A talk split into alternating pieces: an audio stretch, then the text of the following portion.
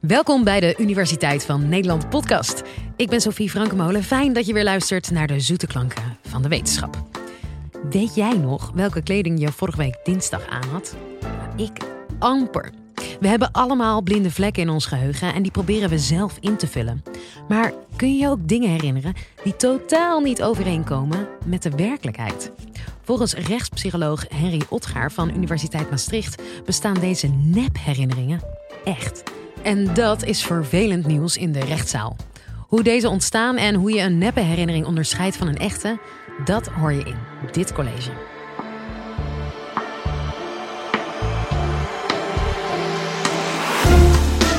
Dit is de Universiteit van Nederland.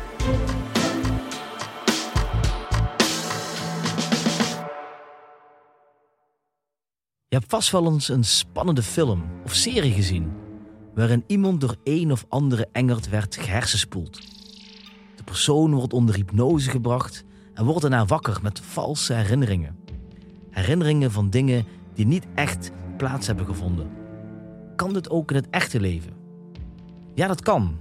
Ik ga je vertellen over een klein, onopmerkelijk Italiaans stadje met niet meer dan 10.000 inwoners. Ook wel de stad Bibbiano genoemd. Onopmerkelijk totdat er een paar jaar geleden een groot schandaal aan het licht kwam. Een meisje kwam met mentale klachten naar de psycholoog en de psycholoog was ervan overtuigd dat dit meisje misbruikt was. Om dat te bewijzen ging hij het meisje onder druk zetten door haar wijs te maken dat ze door haar vader was misbruikt. Na meerdere therapeutische sessies is ze uiteindelijk gaan geloven en zelfs herinneren dat ze door haar vader was misbruikt. Dit is natuurlijk een heel heftig verhaal, want hoe kun je iemands herinneringen zo beïnvloeden dat je iets gaat geloven dat nooit gebeurd is? Dat ga ik je in dit college uitleggen. Ik ben rechtspsycholoog en je kunt je voorstellen dat het in de rechtbank ontzettend belangrijk is dat we hier onderzoek naar doen. Een valse herinnering kan namelijk iemand straf maken of breken. We beginnen met de basis. Het is belangrijk om te weten dat ons geheugen geen letterlijke kopie maakt van gebeurtenissen. Dat zou veel te veel plek kosten op je harde schijf, de hersenen. Je onthoudt alleen de belangrijke dingen, elementen waar je even extra goed op let of dat wat op dit moment relevant voor je is. Verreweg de meeste specifieke details vergeet je. Pak als voorbeeld eens een willekeurige serie die je een paar jaar geleden hebt gezien. Grote kans dat je nog wel weet hoe het afliep en de naam herinnert van het hoofdpersonage. Maar weet je nog hoe de beste vriend heette of wat er in aflevering 3 gebeurde?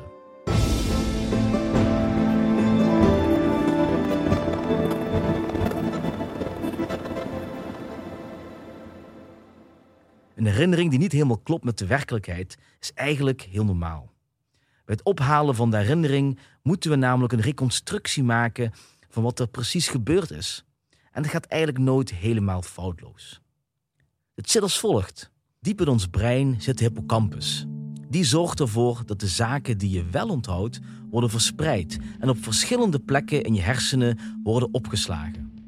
Dat is maar goed ook, want als het allemaal op één plek zou zitten, weet je na één keer je hoofd stoten misschien wel niet meer wie je bent. Als je die opgesplitste informatie vervolgens wil herinneren, moet je hippocampus die verschillende stukken weer in elkaar lijmen. De hippocampus heeft dus ten eerste al niet alle informatie opgeslagen, maar moet ook nog eens puzzelen met allemaal losse stukjes. De gaten die overblijven of de stukjes van de puzzel die missen, vult het brein in met onze verwachtingen en kennis die we hebben opgedaan in ons leven. Het gaat vaak goed, maar je snapt nu wel dat het ook wel eens niet goed gaat. Was die trui die jouw collega aan had vorige week nou blauw of rood? Laten we een geheugentestje doen. Ik noem een aantal woorden. Dus luister goed, hier komen ze. Tranen, verdriet, lachen, janken, baby, schreeuwen, brullen, gejank, nat, wenen. Maar nu heb ik een vraag voor je. Heb ik het woord huilen genoemd? Misschien denk je nu ja. Maar ik heb het woord niet genoemd. Je hebt het woord zelf ingevuld. Alle woorden die je nog wel herinnert, doen je namelijk denken aan bijvoorbeeld een huilend persoon. En voilà, je bent een nepherinnering rijker. Als je brein een fout maakt tijdens het aan elkaar lijmen van al die puzzelstukjes, ontstaat er dus spontaan een valse herinnering. Een herinnering van iets dat echt nooit heeft plaatsgevonden. Deze zijn meestal onschuldig, omdat ze over kleine details gaan. Maar je kunt ook op een andere manier een nepherinnering krijgen, namelijk door suggestie. En deze nepherinneringen kunnen jou bijvoorbeeld zomaar je hele jeugd in twijfel laten trekken. Zoals we in het voorbeeld van het Italiaanse stadje zagen.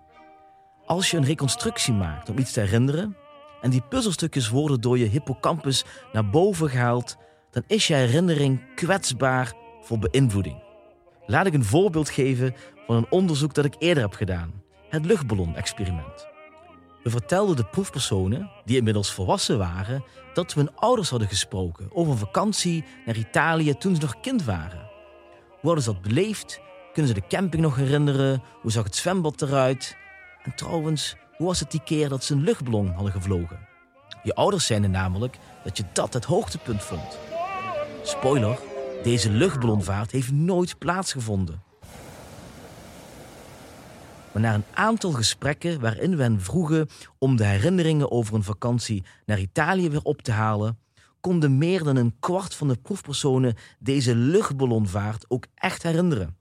Sterker nog, ze konden er gedetailleerd over vertellen.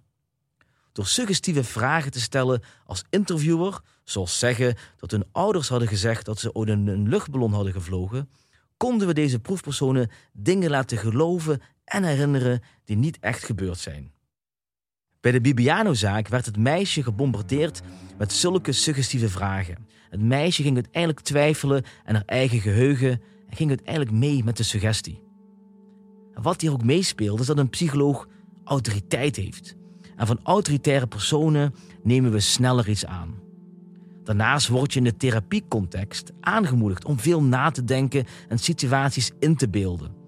De therapeut kan dan suggestieve vragen stellen en over een langere periode kun je van alles herinneren wat nooit heeft plaatsgevonden. Dit was een doelbewuste poging om iemand een valse herinnering aan te praten. Maar iemands herinneringen beïnvloeden gaat niet altijd zo bewust als in deze zaak.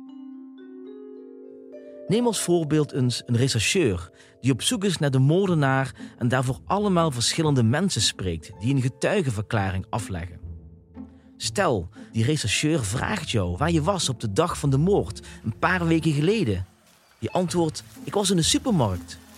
Hij laat een foto zien van een man met een grijze trui en een rode tas. Heb je hem daar ook gezien? vraagt de rechercheur. Je graaft in je herinneringen en kan je het niet herinneren. De rechercheur blijft doorhameren. Heb je helemaal geen man gezien die erop lijkt? Je denkt opnieuw na. Ja, misschien zag ik wel een man, maar volgens mij had hij geen tas mee en een zwarte trui aan in plaats van grijs. De rechercheur blijft vragen: kan het echt niet deze man zijn geweest? En op een gegeven moment denk je: ja, misschien was het hem ook wel. Het licht was die dag niet heel scherp en ik zag hem misschien wel heel even vanuit een bepaalde hoek. Ja, ik heb hem toch wel gezien. En zie daar, een foutieve getuigenverklaring. Mensen gaan onder druk twijfelen aan hun herinneringen en worden zo vatbaar voor valse verklaringen. Een goed voorbeeld hiervan is ook de Arnhemse Vielemoord, die zich afspeelde in het jaar 1998. Het betrof een roofmoord waarin de bewoonster werd doodgeschoten. Een vriendin overleefde het. Negen mannen werden uiteindelijk veroordeeld, maar hun bekentenissen waren onder zware suggestieve druk afgelegd. Een vraag is of hier geen sprake was van valse bekentenissen. Nou, mijn collega die heeft de beelden van de verhoren gezien. Het waren ontzettend lange verhoren die zeer vermoeiend waren. En op basis van die beelden kon zij de conclusie trekken dat deze bekentenissen onder druk zijn afgelegd. Zaak hier is dat de politie de juiste training krijgen om zo mensen het beste te kunnen verhoren. Open vragen stellen. Dat is de remedie. In strafzaken spelen getuigenverklaringen vaak een grote rol. En dan doet het er dus toe of je herinnering klopt. Als valse herinneringen serieus genomen worden, kan dat namelijk vergaande gevolgen hebben. Hoe beoordeel ik dan als rechtspsycholoog de betrouwbaarheid van een verklaring? En hoe weet ik of ik met een valse herinnering te maken heb? Helaas kan ik niet in een verklaring zoeken naar bepaalde woorden die duiden op een nepherinnering. Een echte en een nep herinnering voelen namelijk hetzelfde. Als je dus een neppe herinnering beschrijft, doe je dat op dezelfde manier als een echte. Het enige wat ik kan doen is kijken naar de ontstaansgeschiedenis van een herinnering. Wanneer sprak deze persoon als eerste over deze gebeurtenis? De ontstaansgeschiedenis kan ons iets vertellen over de mogelijkheid dat een persoon een nepherinnering heeft. Je moet dus kijken naar de eerste verklaringen die iemand geeft over een gebeurtenis. Hoe ontstond die? Spontaan? Dan kan het wel een echte herinnering zijn.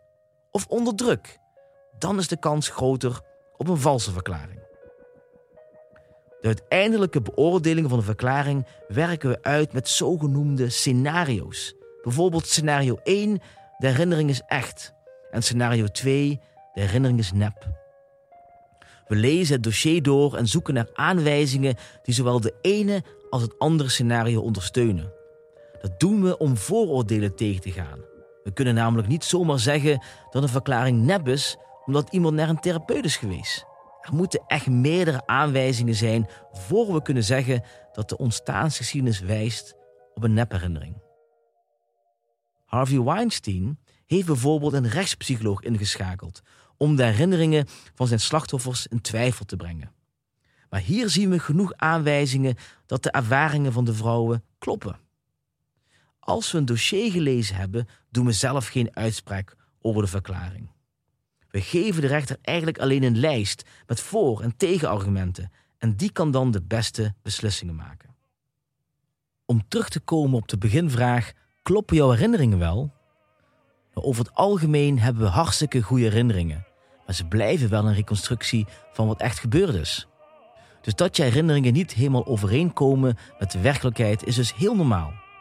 Maar zodra jouw herinnering gevolgen heeft in de rechtbank, kan een rechtspsycholoog het best even meekijken om er zeker van te zijn dat hoe jij je iets herinnert wel echt klopt.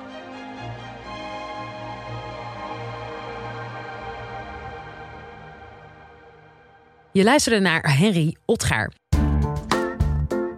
Fijn dat je weer luisterde. En je weet het, elke week twee nieuwe afleveringen zo hop in je podcast app. Met volgende keer word je domdom van je tomtom. Tot de volgende!